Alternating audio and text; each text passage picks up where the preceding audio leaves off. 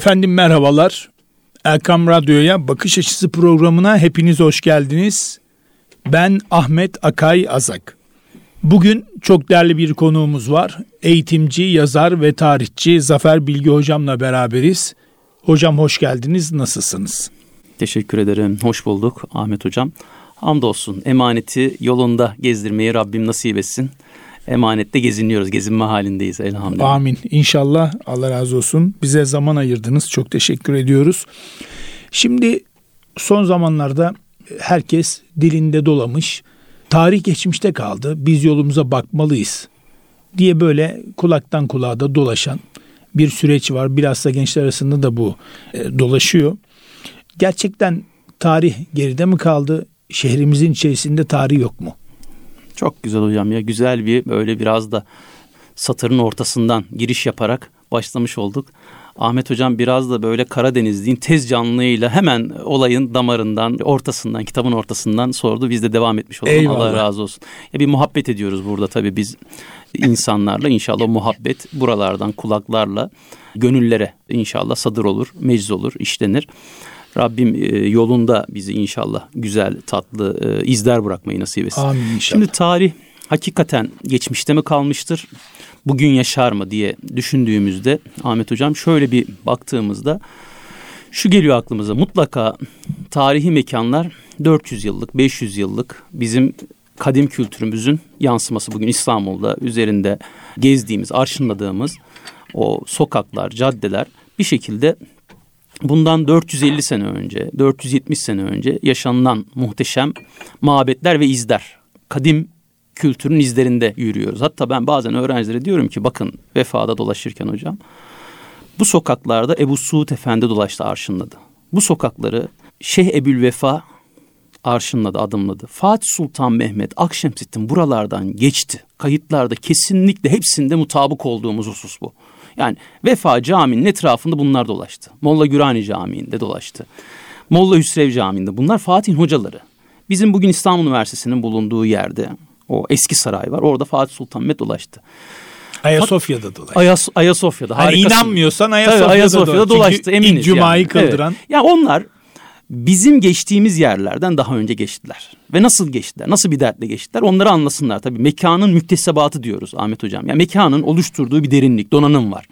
Bu sirayet ediyor bazı öğrenciler. Onlar da şaşırarak bana diyorlar ki ya hocam diyorlar burada niye biz kendimizi bir tuhaf hissettik? Ben de diyorum mekanın müşerref olanlar hani bir şekilde oraya iz bırakmışlar. Mekan canlıdır. Mekan canlı aynen öyle hocam. Şimdi peki bu geçmişte mi kalıyor sadece bugün yaşıyor mu? Şimdi biz tarih müzede yaşamıyor aslında. İnsanların fikrinde, zikrinde, yüreğinde yaşıyor. Ve bu yaşama eğer dertlendirirse insanı bugüne taşınabiliyor. Bugün tarihi yeni baştan yaşayabileceğimiz ilginç aslında böyle yapacağımız ufak dokunuşlar var. Mesela biz ne yaptık? Ondan bahsedeyim. Bir örnek üzerinden bunu daha iyi anlayalım. Vefanın en fazla kullanılan sebili var. Sebil, sebilhane kültür. Nereye yapmış Osmanlı? Vefa yokuşunun Taş Tekneler Sokak ile bir de Şeyzade Mehmet Sokağın caddesinin arasına o üçgene herkesin kullanacağı kavuştuğu noktaya, kavşak noktasına, kavuşmak kelimesi kavşak oradan geliyor.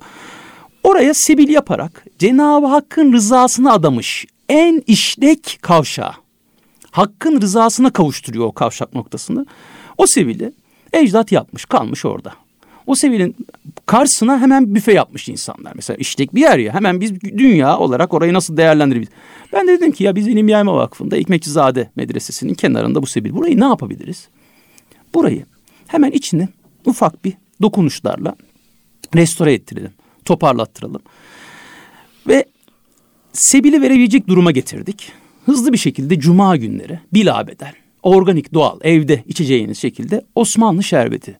Soğuk, serinletici, yazın sıcak günlerde Temmuz, Ağustos, Eylül işte bu aylarda böyle cuma günleri teberrüken böyle bir sebili ihya edelim dedik. Tekrar canlandıralım. Yeni baştan kendi yerinde.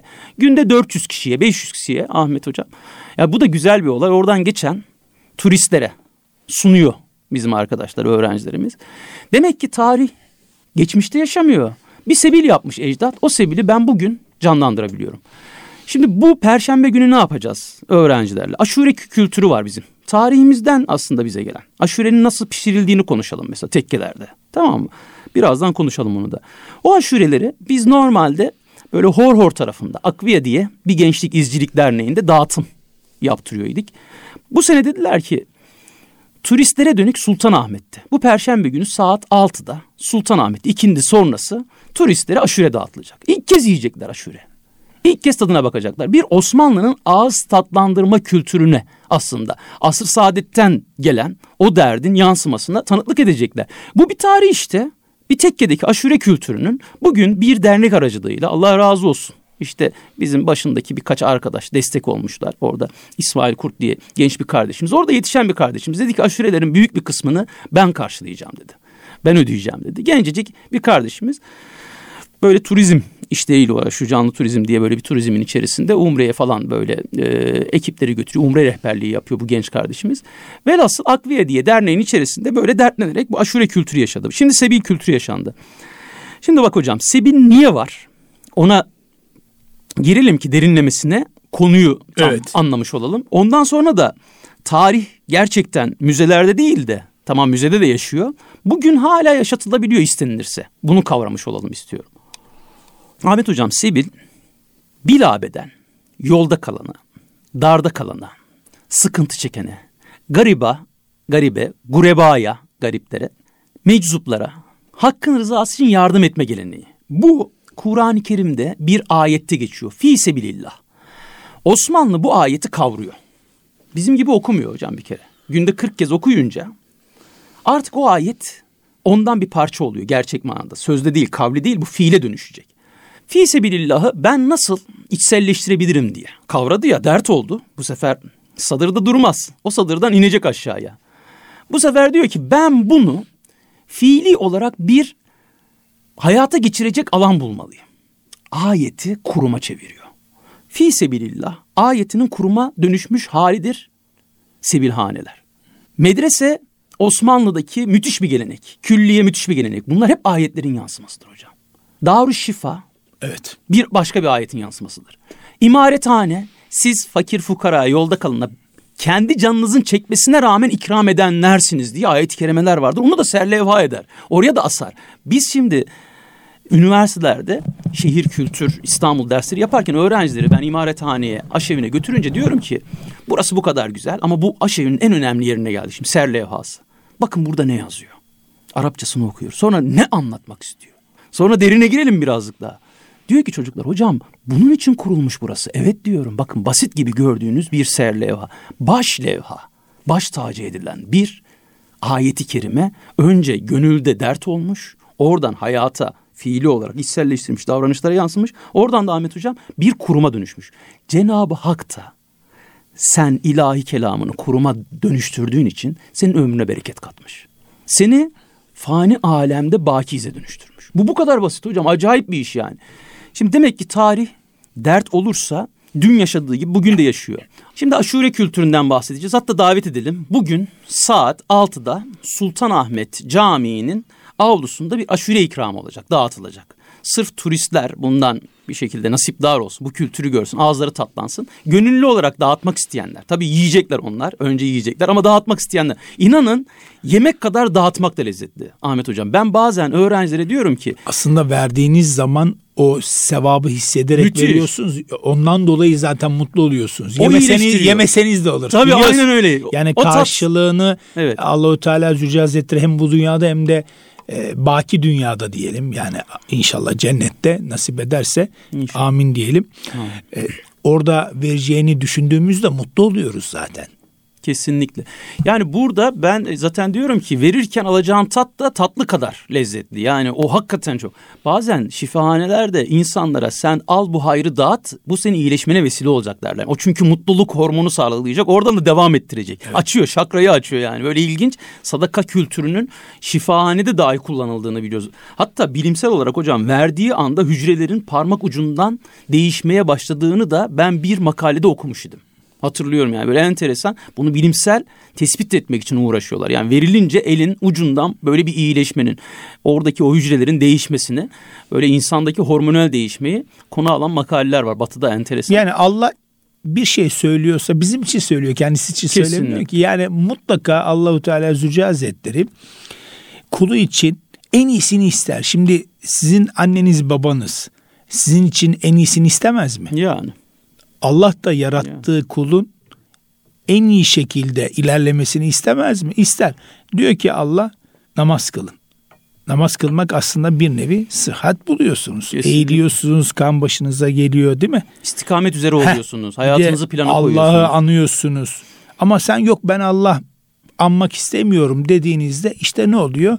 Farklı mecralara gidiyorsunuz. Kesinlikle. Onun için Allah ne buyuruyorsa bizim için buyuruyor. Kesinlikle kesinlikle hocam.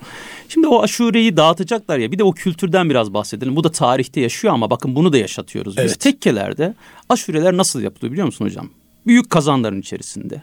Her bir malzeme özellikle temizlenirken temizlik imandan alır şiarına göre özel yani evdekinden daha hassasiyet gösterilerek buğday dört kere değil yedi kere yıkanıyor.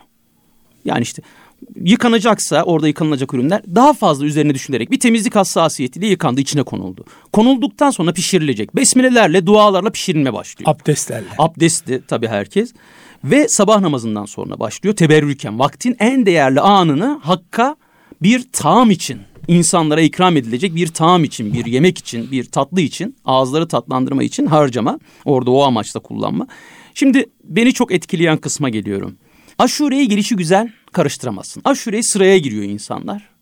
Karıştırırken hocam hu hu'larla, aminlerle, dualarla ancak içindeki kepçeyi vav harfi gibi karıştırmak zorundasın.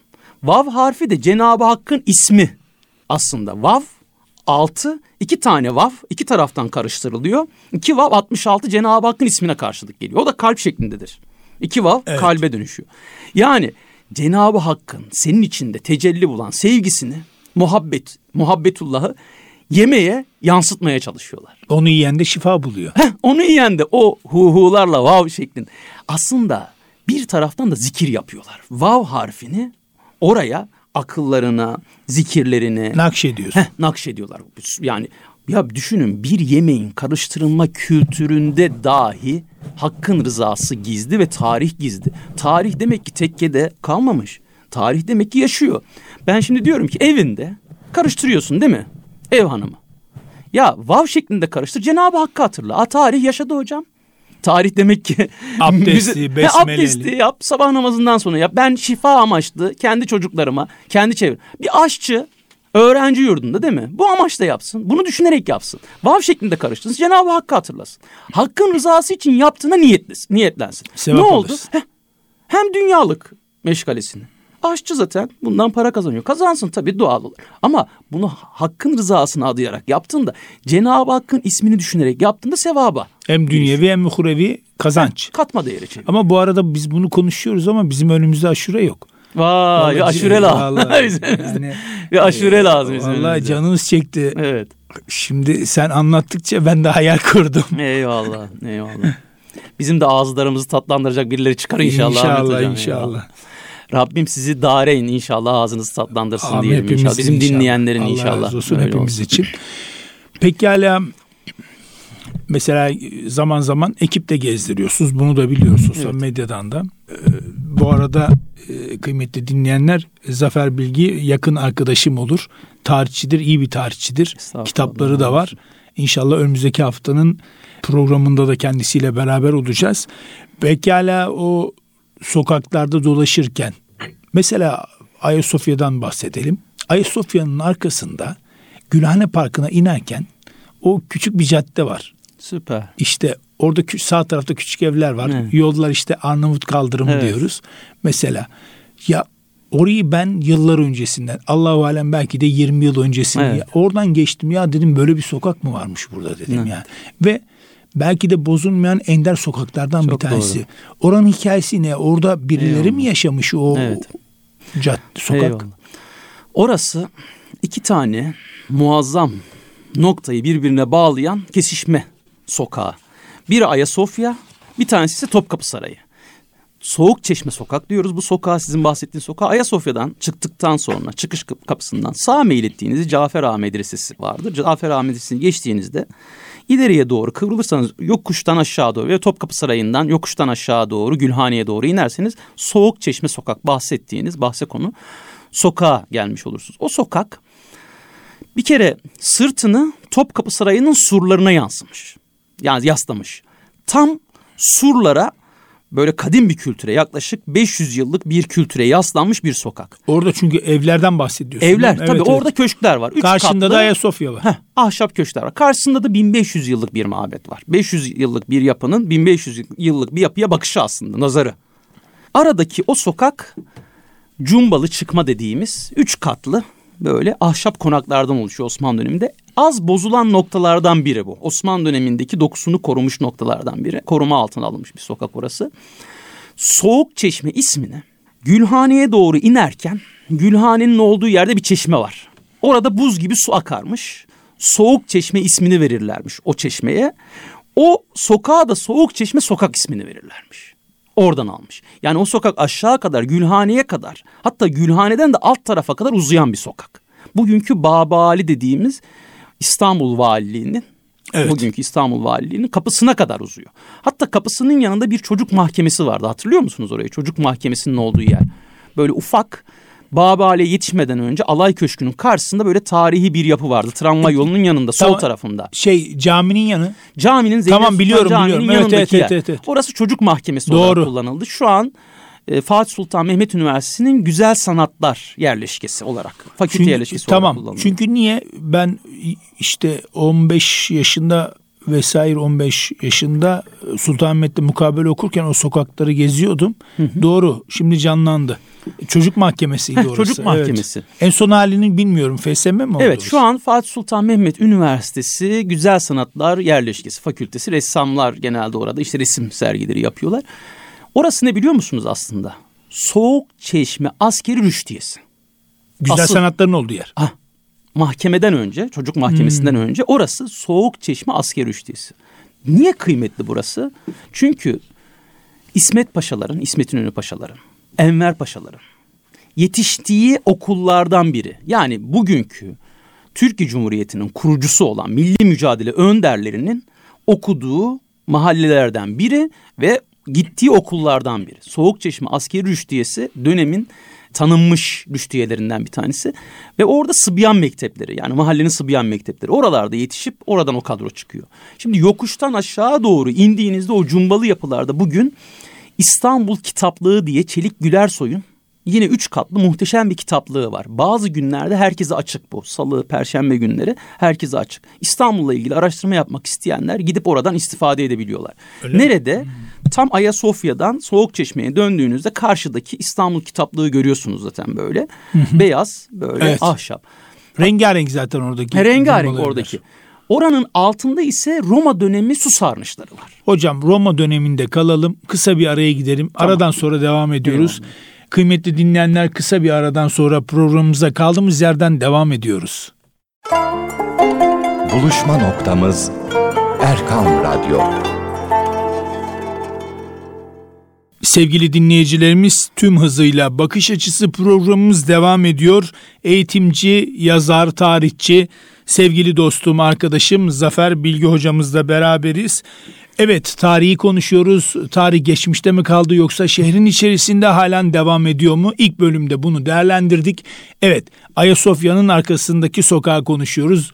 Radyosunu yeni açanlar için tekrar edelim. Evet hocam buyurun Roma dönemindeyiz. Ya Ahmet hocam farkına varmadan böyle adımlıyoruz. Hissettiniz evet. mi bilmiyorum böyle sokak ben şimdi hemen orayı tahayyül ediyorum. Hayal edip onun önüne getirmeye çalışıyorum. Gözümün önüne orayı. Ben hep o sokağa Ayasofya'nın yanından gittim. Eyvallah. Yani Topkapı Sarayı'nın evet. oradan değil de. Evet. Şimdi Soğuk Çeşme sokağının üç katlı çıkma dediğimiz cumbalı yapılarının altı dönemin Osmanlı aileleri, haneleri tarafından ev demiyorlar hocam. Haneyi saadet derlermiş Osmanlı. Veya, veya devlet hane dermiş. Devlet hanemiz. Evet. Veya haneyi saadetimiz. Şimdi bizde bu eksiklik var hadi gizledim bizim eve değil.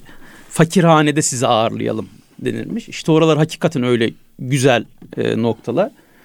Bir de şöyle bir durum oranın altındaki Roma dönemi su sarnıçları var. O su sarnıçlarının bazıları duruyor. Su sarnıçlarını Osmanlı bildiğiniz suyun toplandığı yeri çeşmeye çevirmiş. Çeşmeden bazı o kesimlere o soğuk çeşmedeki çeşme gibi üste doğru da çeşmelerden o ahaliye, sakinlere, mahalle sakinlerine su veriyor. Ayrıca durağan suyu ise depoda bırakmış. Roma dönemi su sarnıcı oradaki Osmanlı işte bir malikanenin altında su deposuna dönüşmüş. O su deposundan kuyuyu açıyorlar, kapağı kaldırıp kovayı salıyorlar, suyu çıkartıp evi temizliyorlar. Yani Osmanlı'da birçok tarihi yarımadadaki konağın dibinde böyle bir e, kuyu görmek ve o kuyudan su alıp şehrin e, temizlenmesi için hem genel hat, hatlarda hem de evlerde özel mülklerde bunun kullanıldığını biliyoruz. Yere batan sarnıcın etrafında da böyle yerler var ve yere batan sarnıcı bulunana kadar oradaki suyla doluyor orası normalde ve oradaki ahali kullanıyor. Daha da ilginç bir olaydan bahsedeyim. Ayasofya'nın dibi de su dolu. Ayasofya'nın eski gravür çizimlerine bakıyoruz hocam. 250 yıl önceki gravür çizimlerinde ortası her yer halı değil. Mermer ve böyle su kuyuları var. Kapağı kaldırıyor. Görüntülerde var. Kovayı içeriye doğru daldırıp kovayla su alıp içeriği temizleyenler var arkadan. Kilise Ayasofya- döneminde mi? Yo cami döneminde. Cami döneminde. Cami döneminde. Hmm. Daha da ilginç bir bilgi. Yere batan sarnıcından giriyorlar kayıkla Ayasofya'nın altına kadar gidilip geri dönülüyor. Allah Allah. Oraya kadar bağlantı var. Orası bildiğiniz su. Daha da ilginç bir bilgi o su ta soğuk çeşmeye kadar gidiyor. İşte sarnıçlar var hepsi birbiriyle bağlantılı. Pekala bir şey soracağım. Biz bunu mesela bir hani merak edenler açısından bir böyle ticari anlamda düşünmeyelim de belki düşünülebilir de o da var ama o onu şu anda düşünmeyelim de mesela bir merak edenler için aslında bir tur olamaz mı Ayasofya'nın altı? Tehlikeli mi olur? Yo bir dönem yapılmış ticari amaçla yere batan sarnıcının altından kayıklarla gidilmiş. Böyle gidilirken o tarafa gidilip gezilmiş. Şimdi şu anda bazı noktalar tabii bu demek ki hani metruklaşıyor artık zamanla köhneleşiyor kapatılmış bazı alanlar. Yani o bağları kapatmışlar. Normalde açılsa tekrar kullanılabilir. Soğukçeşme sokağın bazı kısımlarında sarnıçlar duruyor. Restoran olarak kullanılıyor bu sarnıçlar. Sizin gibi ticari düşünen Evet. olmuş orada bahset. İşte bu aslında bu Türk aklı ya. Birazcık Türk aklı her yerde. O sarnıcı almışlar muhteşem böyle hem tören amaçlı hem de böyle biraz da turistik amaçlı. O sarnıcın dibindeki hani suların çekildiği yerleri restoran yapmışlar ama dibindeki bazı kısımları da böyle antik dönem havuz gibi de kullanıyorlar. Sıcak su veriyorlar ve antik dönem havuzu böyle eski görüntülerle. Oralarda bazı otellerin altında maalesef böyle yerler dolaşıyor sosyal medyada ben de görüyorum. Biz evvelden oraları gezerken ki görüntüyü ben şimdi yani tarihi açıdan olan görüntüyü tarihi açıdan bozmamışlar ama bir turistik tesis halinde e, yüksek e, meblağlara insanların girip böyle antik havuzda yüzmek ister misiniz gibi böyle ilginç reklamlara denk geliyorum. Şimdi tarih hem bu şekilde yaşar bunu da yaşatıyorlar bir şekilde yani hani meta gibi görülüp ticari bir Çünkü malzemeye birkaç kişi. Ayasofya'nın oradan giriş yaptığını biliyoruz zaten. Tabii, tabii. Televizyonlara konu oldu. Tabii, tabii. Şu anda- Buradan isim vermeyelim Evet, reklama evet. girer belki ama Evet. E, televizyonda program yapan bir hanımefendiyle tarihçi birisi hani Evet, evet. şey yaptı. Siz hiç girdiniz mi? Ya şöyle ben Ayasofya'nın farklı yerlerinden dibine doğru girdim ama Ayasofya'nın içine girebilmek için özel bir ekipman lazım. Su bildiğiniz. Balçık. Yani oraya şu an üniversiteden özel kıyafetlerle araştırmacı hocalar yani araştırma amaçlı girebiliyorlar. Girilen yerleri biliyoruz. Ben öğrencilerimle Ayasofya'nın yan taraflarından altına doğru girilebilecek mekanlar var aslında. Çok bilinen mekanlar bunlar Niye ama o balçıklar temizlenmez? ya şöyle Tehlikeli değil mi? Yani temelleri zayıflatmaz mı? Şöyle temelleri zayıflatmıyor ama yılların getirdiği artık e, bir sirkülasyon var artta.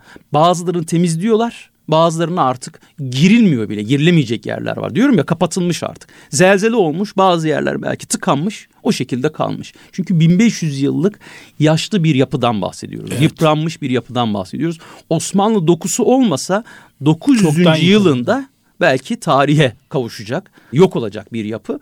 Sinan'ın işte ellerine iki asa verdim. Yaşlı bir aslında bir kadının böyle yaşlı bir nenenin eline iki asa verdim. Artık kıyamete kadar bu asalarla durur diye o minarelerle, payandalarla ayakta tuttu ve 1500 yıllık dünyaya hakikaten böyle bir tarihi eseri. Tabii böyle hani göz bebeği olarak dünyaya e, meydan okuyan bir orta çağ mabedi. Yani orta çağ döneminden kalma bir mabettir orası.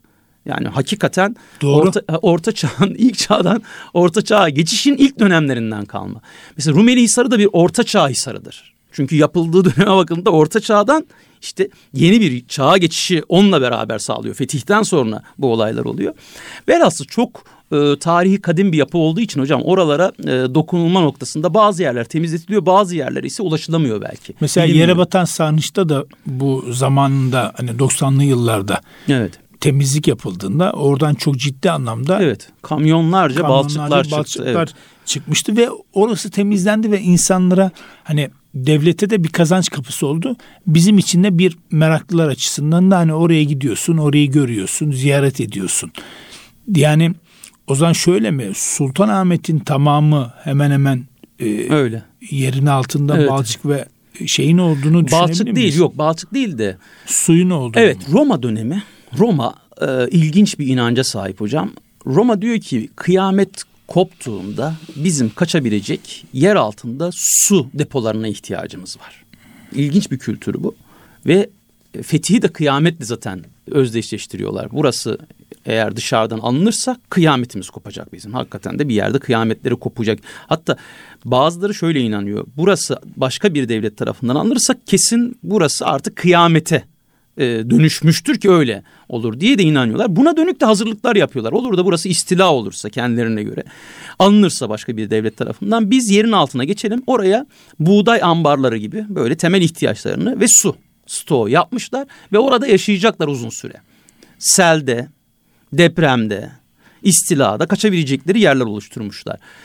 Bu tabii uzun bir kadim bir kültürün yansıması Ahmet Hocam. Yani hani bu gelişi güzel bir devlet değil. Bu devlet burada 300'lü yıllarda kurulmuş. Konstantin tarafından kurulmuş ve 1200 yıl bak Osmanlı'nın iki katı neredeyse 1450 yıllara kadar 1200 yıla yakın yaşamış bir kadim kültür. Biz de onun tamamı as tamamlayıcısı devamı Devam olmaktan ettiriyoruz. onur duyuyor Osmanlı sürekli bunu söylüyor. Ben Roma gibi kalıcı bir iz bırakabilirsem ne mutlu. Çünkü önünden geçtiğimiz Çemberli Taş onlardan kalma. Evet. İşte un kapanına inerken Valens su kemeri onlardan kalma. İşte Ayasofya onlardan kalma. Küçük Ayasofya onlar. Yani muhteşem mabetleri hala duruyor ya. Bu, bu kolay bir olay değil 1500 yıllık. Biz şu an 100 yıllık eser üretemiyoruz. 100 yıl sonra yıkılacak şekilde yapılıyor binalar ki ömrü o kadar. Yani şöyle Roma e, Sultanahmet'in altına o yüzden orası çok böyle elit bir kesim olduğu için sarayların çok yoğun olarak e, yerleşke olarak yapıldığı asilzadelerin veya konakların olduğu yer olması hasebiyle Devletin merkezi. He, bir imparatorluk sarayı var Ayasofya'nın yanında. Orası yerle yeksan olmuştur. Ama onun altındaki su sarnıçları duruyor. Sultanahmet Meydanı'nın sağında binbir direk su sarnıcı vardır durur. Evet. Binbir direk orası. Sultan Sarnıç diye geçen sarnıçlar var. Biz bugün ona Sultan Sarnıcı diyoruz. O da bugünkü Çemberli Taş'ın altına doğru denk geliyor. Çemberli Taş durağının sol tarafından alta doğru. O da Büyükşehir Belediyesi orayı yine kullanıyor. Yavuz Sultan Selim tarafında Fatih Camii'nin Yavuz Sultan Selim'e kavuşurken yine böyle bir e, sarnıç var. Yani bu sarnıçlar şunu söylemek istiyorum. Binbir direk yere batan ve diğer bahsettiğimiz o Çemberli Taş'taki sarnıçlar bildiğimiz yerin altında bir su deposu olarak kullanılan daha sonra Osmanlı'nın da ihtiyaca göre temizlik amaçlı kullandığı su depoları. Ama yerin altını böyle kazımış. Peki yani Bunun bu su üzerine nereden, bir bu su şehir nereden geliyor hocam? Süper. Bu su Valens su kemeri dediğimiz o Bozdoğan su kemeri Evet. un kapanı Kemerburgaz tarafından ve Çatalca tarafından iki ana hat var. Roma şehre Bu dönemde. 375 yılında. Evet. Şehri kurduktan sonra şehrin en büyük ihtiyacı su.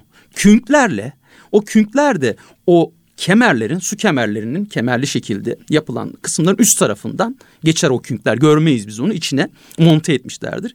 Künk dediğim borular. Bakır Evet, borular evet. veya toprak borular. Onların içerisinden suyu getiriyorlar şehre ve ana depolarda bizde bu Birikiyor. he, birikiyor ve oradan şehre dağıtılıyor. Bu ana depolardan bir tanesi Şehzade Mehmet'tir mesela. Biz durgun suyu temiz kabul etmeyiz. Roma temiz kabul ediyor, kullanıyor. Biz bu durgun suları temizlik için kullanmış sonraki dönemlerde. Sürekli gelen akışkan suyu ise hemen abdest teknesine bağlamışız. Buralara abdest tekneleri yapmışız. Çünkü de- devamlı olduğu için ha, Tabii. pislik olmaz. He, aynen öyle. Bizdeki abdest suyunun e, durgun olmamız. Ama bu durgun suyu ne yapıyor? Hemen temizlikte Ayasofya'nın dibinden çıkartıp veya malikanelerin, evlerin işte e, hane-i saadetlerin temizliği için o dönemki Osmanlı kullanıyor. Bir de Ayasofya'nın yanındaki o imparatorluk sarayı duruyor dedim ya. Bu da çok enteresan ya Ahmet Hocam. Ayasofya'nın yanı başında imparatorluk, Roma İmparatorluk Sarayı var. Saray Ayasofya'nın kıyıya doğru, Sarayburnu'na doğru bakan kısımda. Orası kapalıdır. Topkapı Sarayı'na doğru giderken sağ taraf böyle kapalıdır. Orası restore Evet. ediliyor şu anda. Sarayın sadece taban mozaikleri kalmış. Taban mozaikleri görünüyor. Yerle yeksan olmuş sarayın tamamı ama taban mozaiklerin ihtişamından biz oranın nasıl bir saray olduğunu hayal edebiliyoruz. Muhteşem bir siyasi hükümranlık merkezi. Dikkat et hocam. 1500 yıldır Ayasofya dimdik oradayken niye Ayasofya İmparatorluk Sarayı yanında Ayasofya yanındayken Roma İmparatorluk Sarayı niye yerle yeksan oluyor? Kritik soru bu.